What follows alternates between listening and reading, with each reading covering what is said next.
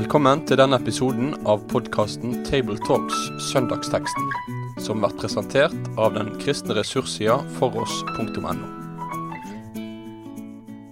Hjertelig velkommen til en ny episode av eh, Table Talks eh, fra oss her i Bergen. Som vanlig sitter rundt eh, bordet førstelektor Rolf Kjøde på NLA-høgskolen. Rektor på Bille bibelskole enn så lenge, Gunnar Ferstad. Og meg sjøl, Tarjei Gilje, som til daglig er redaktør i Dagen. Enn så lenge. ja, vi, det er jo for så vidt enn så lenge for oss alle. I det tilfellet er jo det faktisk for dette er din siste dag. Når vi nå gjør opptak, så skal Gunnar Ferstad straks forlate rollen som eh, rektor på Bilde bibelskole. Og det gjør han jo med svært gode søkertall til neste år, det må vi få lov å si. Ja, kan bekrefte det. Og så er det jo alltid sånn som i fotballkamper, hvem skal ha æren, spillerne eller treneren? Og så er det en deling der. Ja. Veldig, veldig, veldig tydelig. Ja, men det, det, er en lang sak. vi skal uh, snakke om uh, teksten for uh, fjerde søndag i treenighetstiden. Den teksten finner vi i Matteusevangeliets niende kapittel, fra vers 35 til 38. Jesus vandret nå omkring i alle byene og landsbyene. Han underviste i synagogene deres, forkynte evangeliet om riket og helbredet all sykdom og plage. Og da han så folkemengdene, fikk han inderlig medfølelse med dem, for de var forkomne og hjelpeløse som sauer uten gjeter. Da sa han til disiplene sine, Høsten er stor, men arbeiderne få. Be derfor høstens herre sende ut arbeidere for å høste inn grøden hans. Jeg sa til dere på forhånd at når jeg leser teksten, så kjenner jeg at det rykker litt i, i journalistrefleksen, hvis det finnes noe sånt. Uh, I avisen så snakker vi gjerne om å pakke ut nyhetspoengene og ikke skjule de gode poengene langt nede i uh, brødteksten. Uh, og så er jo ikke Bibelen skrevet som et journalistisk produkt, og det er det vel gode grunner for å være glad for, på andre måter. Men i de første versene av dagens tekst så forstår vi at her er det mye som har skjedd, og det blir formidlet med svært få ord. Det kunne vært laget mange reportasjer med utgangspunkt i, de, i den korte skildringen vi får her. Hvis vi begynner et sted Vi leser at uh, Jesus vandret omkring. Uh, litt sånn emissæraktig uh, skildring. Hva slags figur er det vi kan se for oss at han ble oppfattet som i sin umiddelbare kontekst? Ja, mange sa jo at han var en profet. Profetene vandra jo omkring. og så var han jo åpenbart en rabbi. Eh, og de kunne også vandre omkring, selv om eh, mange var nok eh, Det hadde mange rabbier som var i Jerusalem og sånt. Men altså begge disse rollene, både profetroller og rabbiroller, kunne nok passe med, med måten som Jesus sto fram på. Og så var det jo enda mer enn det. da, og, Men det er interessant det du sier om det du registrerer med denne teksten, for dette er jo en såkalt samlefortelling. Mm. Eh, og det er ikke det rart det at du finner det veldig konsentrert. Her går en rett på å fortelle hva det gjaldt. Det er ikke noe mye rundt om snakk. Så det er jo en veldig, sånn sett en veldig det er en veldig eh, viktig fortelling, for den oppsummerer på en god måte hva Jesus holdt på med. Og så er det også innledningsfortellinga til kapittel 10, og som jo der Jesus sender ut sine disipler til å vandre akkurat sånn som han vandra. altså de går inn i Jesu, i Jesu arbeid og Jesu oppgave. Og det, og det, betyr vel at i dette vandremotivet som du spør etter, så det, ligger det kanskje en sånn begynnende misjons. Mm. Uh, altså at vi i vår sammenheng kan tenke det som en del av, av misjonspreget som Jesus her allerede demonstrerer i sin egen person, som han sender ut disiplene til folket sitt, jødene, i kapittel 10, men som han også sender oss ut til da, i kapittel 28 i den samme evangeliet. Vi har jo nemlig i, i, i medieredaksjoner mer eller mindre liksom formelt så har man jo en sånn for en kjendisliste. Sånn at det er noen folk, hvis de gjør et eller annet, eller sier et eller annet, så blir det på en måte en nyhet nesten samme hva. Og så er det varierende grader. Og sånt, som sagt. Og, og det er litt sånn i det landskapet, er dette en, en, kjendis i sin samtid. liksom Det er det jeg prøver å få grep om. Hvordan, hva slags parallell ville vi brukt i vår tid, hvis vi skulle funnet en skikkelse som har en lignende rolle. da. Ja. Jeg har ikke tenkt så hardt på det, men, jeg tenker på det, altså, hvordan han ble oppfatta. Rolf rabbi, profet, men, men, han var jo en, en, en person som tiltrakk seg oppmerksomhet, uansett. Og, og, og, det er jo hvordan man oppfatter det, det, Vi finner jo mange beskrivelser av det. Så, så han, han, var jo en kontroversiell person. Han var jo han var ikke likt av han var jo elska og hata. Mm. Han var jo det, og, og, og, noen ville være sammen med han, og andre kritiserte han for de han var sammen med. Så det var liksom sånn, sånn kontrastfylt eh, Det var noe kontrastfylt rundt han. Noen var likegyldige til han, mens andre tok det på ramme alvor. Og noen markerte sin avstand fra det han sa og tenkte og mente. Mens andre de, de omfavna det. Så det er en sånn dobbelthet. da. Eh, I konteksten der så er det en gruppe som er veldig begeistra. Aldri har vi sett noe sånt mm. i Israel. Så, også, samtidig så er det noen som anklager ham for å være i kontakt med vonde ånder. Så, så, det er også et del av bildet. Altså, var han en profet, så hadde de ytter eh, punkter, på en måte. eller eh, det, det, er jo veldig sånn kontrastfullt, tenkte jeg. Um, og så var han var kanskje en som ikke var så lett å bli kjent med også, på en måte, tenker jeg. Mm. Altså, det står faktisk i Johannes evangeliet at verden kjente han ikke. Jeg, jeg, trodde de så hvem de så, på en måte, men han, han var en som var ja, hadde en rolle, som du sier, men samtidig så var det noe mystisk med han på en måte. For Jeg fikk ikke grepet på han helt alle. og Så åpenbarte han seg for, for de næreste på en annen måte kanskje enn andre. Så Jesus var en jeg tenker, jeg håper, det, det er sikkert mange som har grubla lenge over dette der. Eh, mm. Å finne grepet på hvem Jesus er. ikke det en bok som heter 'De kjente han ikke'? Jo, eh, men jeg tenker at journalistene i Jerusalem Jeg vet ikke hvorvidt de på dette tidspunktet hadde fått skikkelig øyne opp for ham, men mm. journalistene i Galilea, tar jeg, der tror jeg Jesus var kommet inn på den, eh, den der lista. Det er jeg rimelig sikker på. Og de fulgte med han. Ja. Så leser vi at han underviste i synagogene deres. Eh, og da var det en som en av de jeg leste litt i forkant her, som uh, lurte på om dette var et uttrykk for et tidlig skille mellom altså det som vi nå kaller kirken. Det hadde vel ikke fått den betegnelsen ennå, men det og synagogen. Jeg stiller spørsmål ved den uh, hypotesen. for jeg jeg tror mer det går på at uh, han var rundt i mange landsbyer, og synagogen det var ikke noe sentralorgan som eide synagogene. Synagogene var eid delvis av personer som hadde bygd dem, og de var eid rundt omkring i lokalmiljøene. Og Sånn sett er det disse plassene som har kommet rundt i lokalmiljøet. Og der, og der kommer han til eh, Det er akkurat som Det er en del bedehus på Vestlandet som er eid av bygda. Ja. og eh, altså ikke av en organisasjon og sånne ting. og det men altså, i begge tilfeller kunne en brukt ordet deres. Jeg, tror, altså, jeg, jeg ville ikke gått inn i en spekulasjon om det er et tidlig skille, selv om Matteusevangeliet som jo er skrevet til jøder, er jo det som kanskje evangeliet, et evangelium som veldig veldig klart driver ut mot hedningemisjonen. Så eh, jeg stiller iallfall et spørsmålstegn ved det. Mm. Så leser vi òg at han helbredet all sykdom og plage. Vi har vel i et par tidligere episoder tror jeg berørt noe av det teologiske i, i det. Men, men, hvis vi likevel prøver å forbli i skildringen her, så ja, han helbredet all sykdom og plage.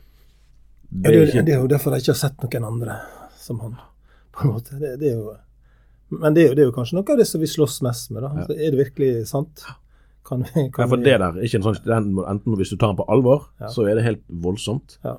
Hvis du ser på det som noe litterært, et eller annet, at det var ikke egentlig alt, det var bare noe, så blir det sånn vanskeligheter med ja vel, skal vi ta teksten på alvor eller ikke.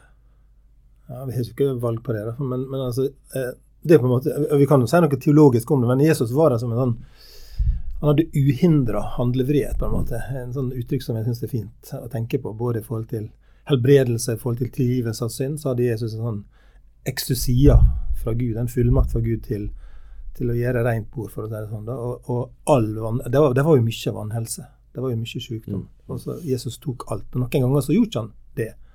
Andre situasjoner kan vi lese om at det var ikke alle som var helbredet. men men det, det, det er utrolig sterkt uttrykk, og kanskje sånn, noe av det som jeg syns er vanskelig å slåss med innimellom. Ja, for finnes, Kjenner vi egentlig noen eksempler fra kirkehistorien der den, dette kunne vært sagt, altså etterpå? Nei, spørsmålet er om, eh, om det i dette all er en form for all slags. Altså at det, det, det, altså det, det var ikke den type sykdom han ikke helbreda. Mm. Uh, altså det, er det som kan ligge. Det, det kan for så vidt være mulig. Men, men, også det er jo sånn, Galilea ble jo ikke sykdomsfritt på Jesu tid. Eh, så det må jo da bety, eh, sånn som vi leser andre plasser, at han avviste ingen som kom til seg. Alle som kom til han. Og det er en form for trushandling, da. Mm. Å komme til Jesus. Og alle som kom til han med sine sykdommer, ble helbreda. Og det er unikt. Det er helt unikt. Det er ikke noe tidspunkt i kirkehistoria eh, på noen måte som er i nærheten av å kunne, å kunne si det om. Selv om altså der i epoker, spesielt av misjonshistorie, så ser vi jo at vi tegner under for en sterkere rolle Mm. i, i gjennomslag, i tider av gjennomslag i nye kulturer eller sammenhenger. Akkurat. Jeg var i, eh, i Redding i California, i Bethel-menigheten der, som jo mange i Norge har eh, hatt et forhold til og har besøkt. Der I 2005, det begynner å bli skrekkelig lenge siden, men der snakket de om at de ville at Redding skulle bli en kreftfri sone. Og Det er jo et sånn type ambisjon som ligner litt på dette, men det har vel ikke blitt det ennå, i hvert fall, for å si det sånn. Og det er jo mange som har ønsket seg lignende. Ja, ok. Nei, skal, det her kan vi gå inn på lange teologiske debatter om det. Det, skal, det tror vi får bli en annen, eh, en annen søndag. vi, men vi kommer til det som vel må, vi må kunne kalle et hovedmoment i den korte og konsise teksten vi har, når vi leser at han fikk inderlig medfølelse med dem. Og Det er jo et, et viktig eh, kjennetegn, karakteristikker, ved, ved Jesus. Eh, hvordan kan vi beskrive denne medfølelsen utover det ordet som er brukt her? Hvordan var det Jesu medfølelse konkret kom til uttrykk? Det gikk jo helt på dypet, Jan. på en måte. Altså, det, det, er vel, altså, det en som heter William Barkley, da, som dere sikkert kjenner, som har gitt ut sånn daglig bibelkommentar, sånn brun og oransje bøker. Um, han sier om dette uttrykket her at det, det, det er det sterkeste ordet i hele det greske språket for medlidenhet. Altså, du finner ikke noe, det, det er et skikkelig kraftuttrykk om det å ha medlidenhet. Eh, og, og grekerne de, de brukte det for å beskrive følelser, altså både kjærlighet og medliden, men også vrede og hat. altså Det var et uttrykk som ble brukt om, om det som, som, som, var sterkt personlig engasjerende. på en måte. Det, det dirra på innsida. Det sterkeste jeg kunne si. da. Så, så, så det er et, et, uttrykk som er veldig veldig sterkt, og det blir brukt flere plasser i Nytestamentet om Jesus. da. Og det, og det beskriver hans sinnelag og, og eh, kommer til uttrykk f.eks. i Matteus 14, 14, i det han stiger i land en plass der og blir møtt av mennesker, så står det at han, han fikk inderlig med, medfølelse, medkjensle. da. Um, det var nokså røstig på djupet. Det var helt på djupet i, i, Jesus, tenker jeg, og, og, ga uttrykk Eller det fikk et uttrykk i konkrete handlinger, og, og på hva måte. Eh, hvis vi skal holde oss strengt til teksten, da, så, så, så, fører det jo til en oppfordring til bønn. på en måte. Altså hans Konsekvensen av opprørtheten og det han så, og medfølelsen, det førte til hos Jesus at han utfordra de rundt seg på å be. Mm.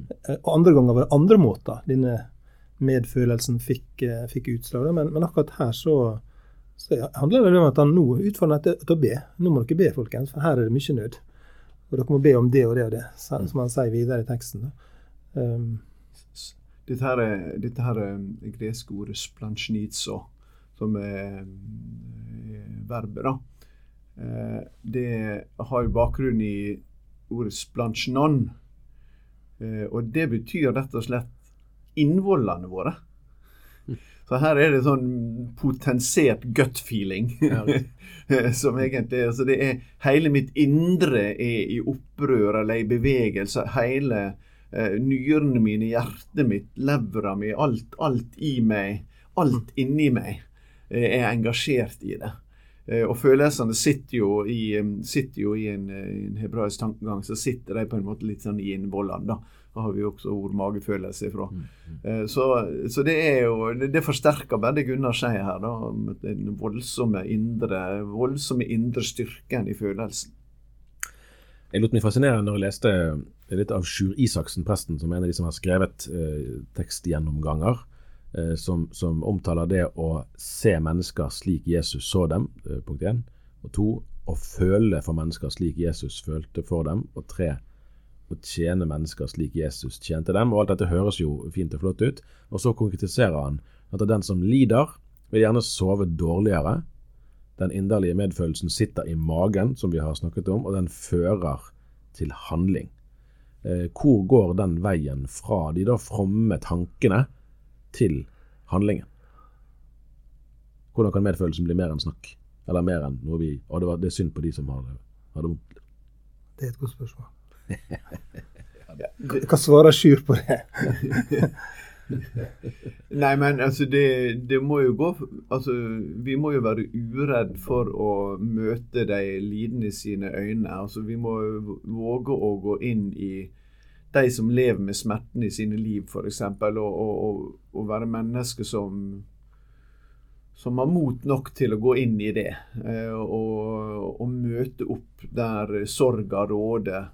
Eh, og, og, og, gi et ord. Og, altså, jeg tror det er mange det er ofte vi i våre nordlige, vestlige reservasjoner Vi har en, for mange reservasjoner. Vi er redd for å trampe inn i menneskets liv. Og det skal vi naturligvis ikke gjøre. Vi skal ikke trampe inn i menneskets liv. Men jeg tror vi har mye å gå på ofte i denne her borgerlige, mm, vel beskytta eh, kulturen vår og levemåten vår. Så trenger vi å bryte ned noe hos oss sjøl av og til på at nå må jeg bryte ned både frykten min, redselen min, men også jeg må, jeg må bryte med ikke bare frykta for om jeg blir avvist når jeg kommer inn i den andre sin, sin livssfære, men også denne her skal jeg gidde å ta den jobben med å engasjere meg i et menneske som faktisk kan koste meg litt tid framover.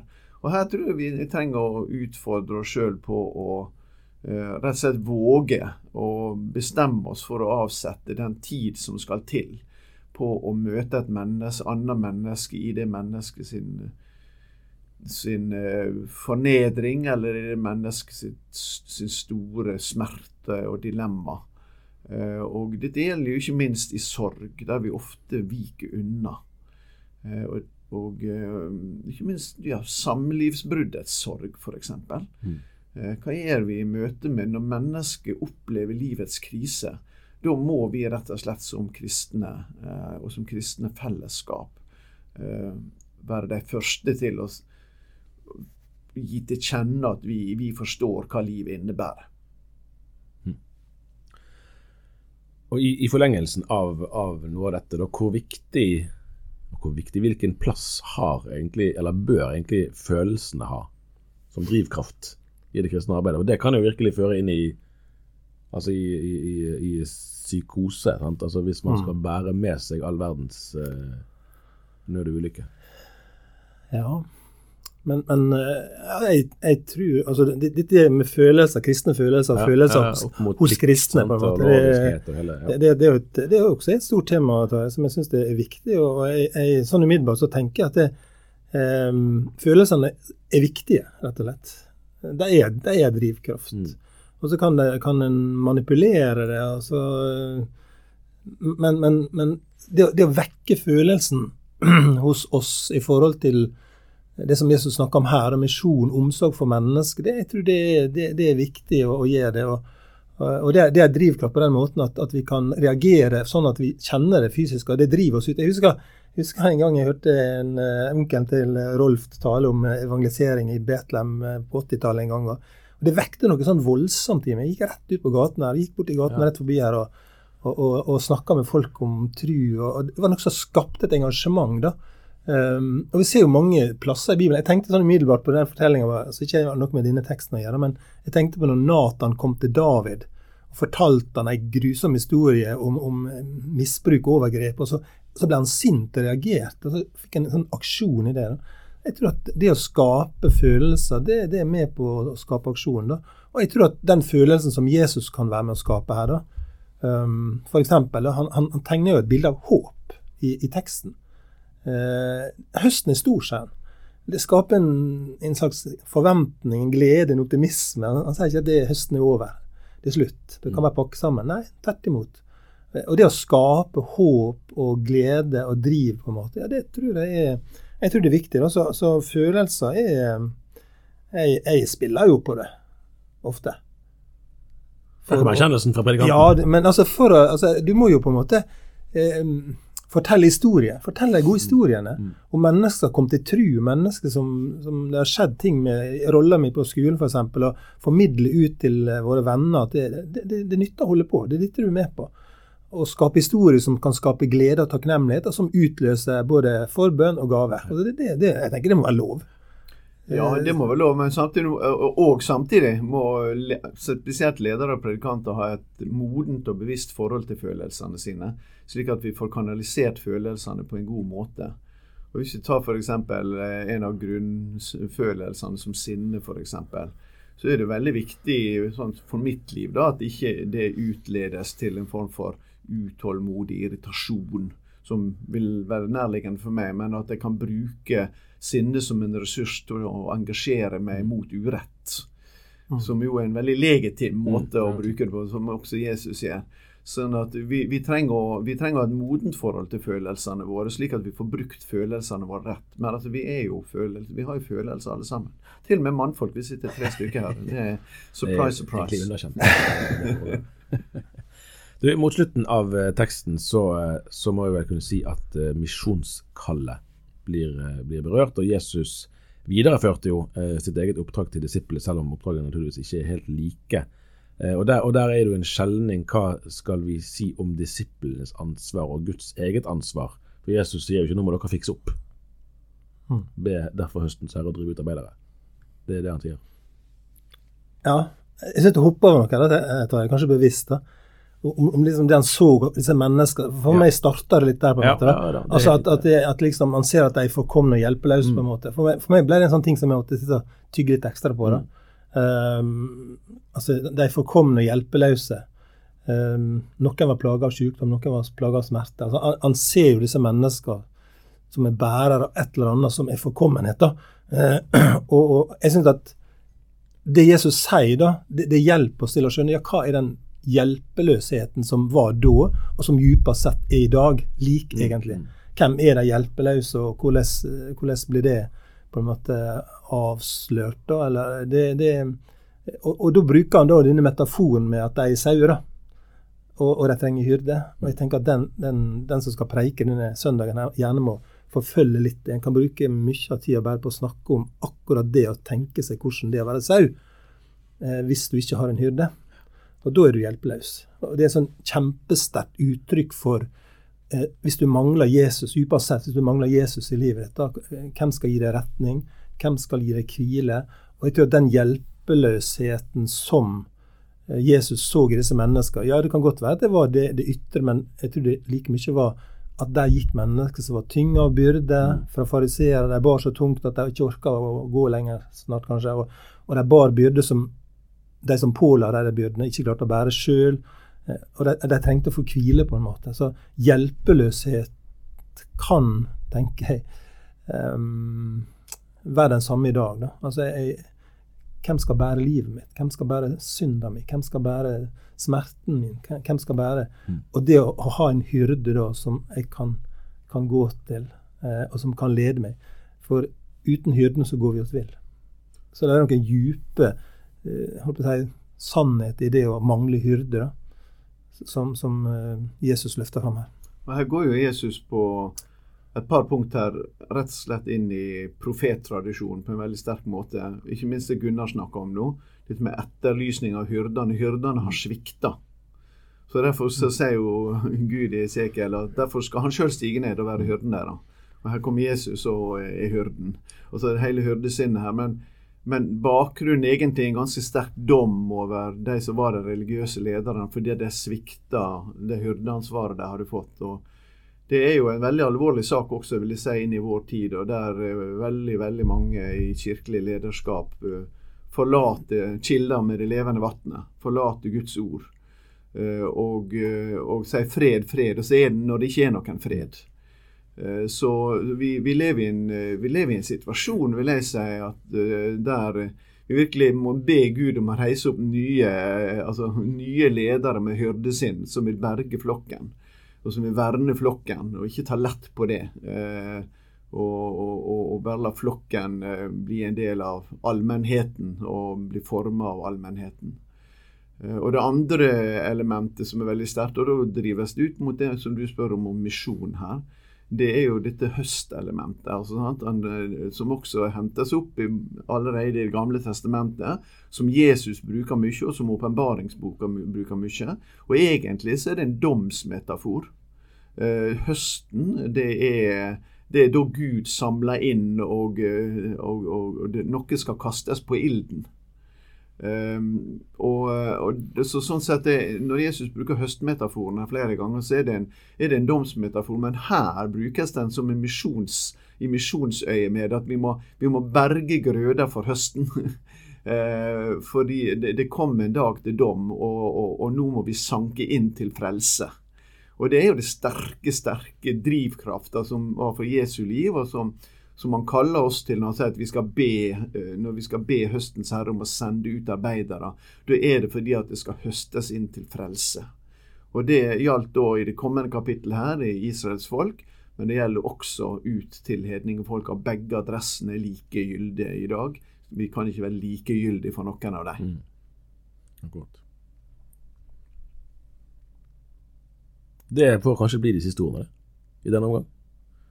Da sier vi takk for at du hørte på. Vi høres igjen.